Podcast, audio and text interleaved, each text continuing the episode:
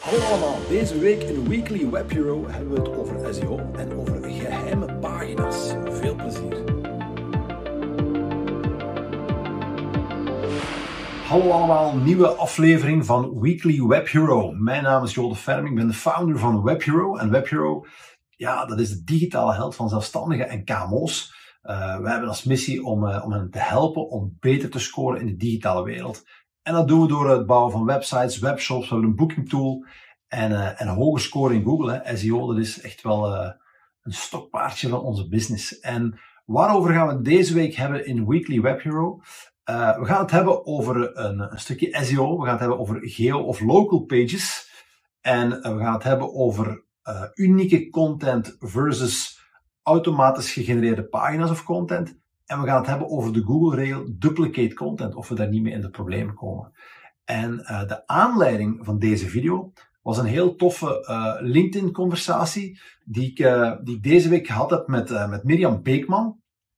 En Mirjam is de magische SEO-copywriter, weet heel veel over SEO, kan fantastisch goed schrijven. Um, en de discussie ging erover dat ze, dat ze een beetje triest werd, dat ze heel vaak van die local pages tegenkwam, waarvan de content eigenlijk altijd hetzelfde is en alleen maar de gemeente gewijzigd is. En zij miste daar zo de unieke content insteek en dat begrijp ik ook heel goed vanuit het standpunt van een copywriter, dat je zoiets hebt van ja, maar dat is gewoon altijd maar een, een copy-paste en waarom gebruiken jullie hier geen unieke content? Uh, en daar wil ik graag dieper op ingaan, omdat dat een heel belangrijk element is vandaag in websites. Um, want wij adviseren uiteraard ook onze klanten om te gaan voor unieke content. Uh, meestal is dan copy, maar dat kan ook video of foto zijn. Um, maar wij adviseren tegelijkertijd ook om te gaan voor automatisch gegenereerde content en specifiek die geopages. Want als je uh, bijvoorbeeld een verver bent in, uh, in Leuven, ja, dan wil je natuurlijk ook gevonden worden op alle gemeenten die rond Leuven zitten. Kesselo, Haasrode, uh, Linde enzovoort. En ja, die content moet op je website staan. En nog beter als je specifiek per ja, gemeente of locatie, ja, werkgebied, een aparte pagina maakt. Nu, wat is het probleem voor zelfstandigen en kleine ondernemingen? Ja, als je voor elke gemeente uit je werkgebied een pagina moet maken met unieke content, dat zal natuurlijk veel te veel gaan kosten. dat is onbetaalbaar gewoon. En daarom maken we gebruik van onze SEO-tool, waar je die pagina's automatisch gaat kunnen genereren. Um, het alternatief is natuurlijk om het niet te doen, omdat je daar principieel een beetje tegen bent. Maar als je je daar niet op gaat inzetten, wat, zien we dan vandaag in Google? Dat vaak de eerste vijf resultaten, de organische resultaten, dat dat soms zelfs buitenlandse bedrijven zijn die hun diensten aanbieden in België. Ja? En dan heb je de keuze als Belgische ondernemer, ofwel doen we het spelletje, het spelletje mee met Google, wat we denk ik moet, moeten adviseren als, als digitale held, ofwel laat je eigenlijk ja, buitenlandse concurrentie eigenlijk uh, het kaas van je, de kaas van je boterham eten. En, en dat willen we niet. En daarom is ons advies om eventjes goed na te denken en je in te beelden dat je website in twee delen kan splitsen. En het eerste gedeelte, ja, dat is het gedeelte dat, dat je waarschijnlijk nu al hebt op je website. En uh, het gaat over SEO, dus ik ga niet babbelen over traffic die via, via social media of via uh, e-mails komt. Maar traffic uit Google, hoe komen die op jouw gedeelte dat je vandaag al hebt? Meestal is dat omdat zij de brand, jouw naam, jouw bedrijfsnaam mee gaan googlen. Bijvoorbeeld, um, ik, ik wil een website maken of webdesign en ik type daarbij WebHero. Ja, logisch dat ze dan op onze website terechtkomen. De vraag is, op welke website gaan ze terechtkomen als ze jouw brand niet gaan gebruiken? Als ze bijvoorbeeld intypen website laten maken Leuven, ja, waar gaan ze dan terechtkomen? En dus um, dan kom je op dat tweede gedeelte van die website terecht. Het eerste gedeelte heb je al. En het tweede, dat is een beetje het geheime gedeelte. Want um, deze pagina's, hè, van die SEO-geoptimaliseerde pagina's met de local pages, hè, dat is iets wat heel veel websites nog niet hebben vandaag. En die zitten eigenlijk verborgen achter je website. Je gaat die um, waarschijnlijk niet vinden als je gewoon op de homepage komt en je begint rond te klikken, dan ga je die dat geheime gedeelte, die geheime pagina's niet zien. En de enige manier hoe mensen op die pagina's komen, dat is omdat ze in Google jouw dienst intypen en een geolocatie. En die pagina's, die, um, ja, die, die scoren meestal wel goed in Google. Ja, en ze zijn een doorgeefluik van mensen die uit Google jou gaan vinden en die zo naar het eerste gedeelte van je website gaan. En ehm, ja, als je deze SEO-pagina's niet zou hebben, dan zouden die mensen waarschijnlijk jouw website nooit gevonden hebben. Dus dat is wel heel belangrijk. Ehm, dus waarom moeten we nu die in twee delen?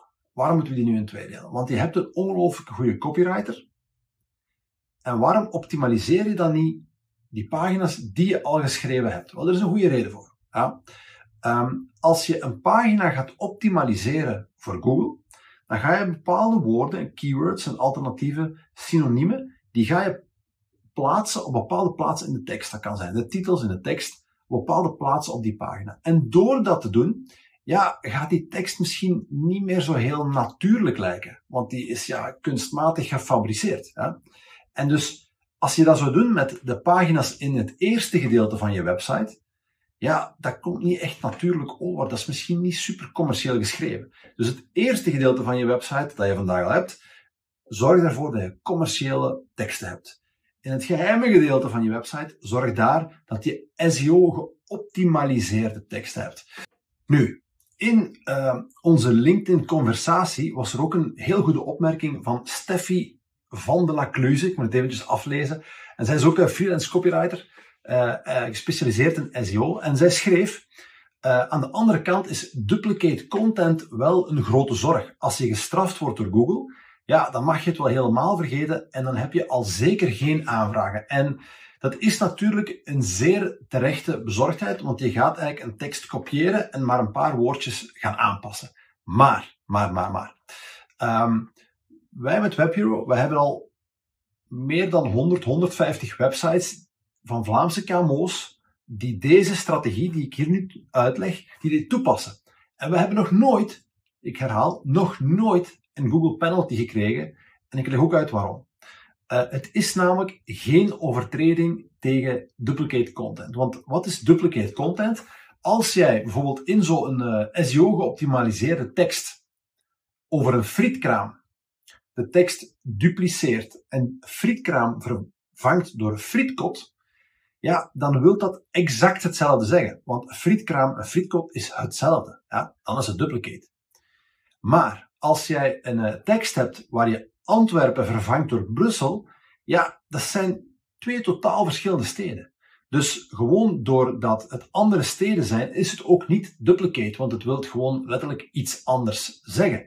Dus het is geen overtreding tegen de duplicate content regel van Google en je gaat er zeker geen penalty voor krijgen. Maar aan de andere kant hebben we wel gezien dat als jij pagina's op heel grote schaal gaat dupliceren, honderden, honderden keren, 300 keer, 500 keer, um, dan zou het wel eens kunnen dat er mogelijk een deel van die pagina's gewoon niet geïndexeerd wordt.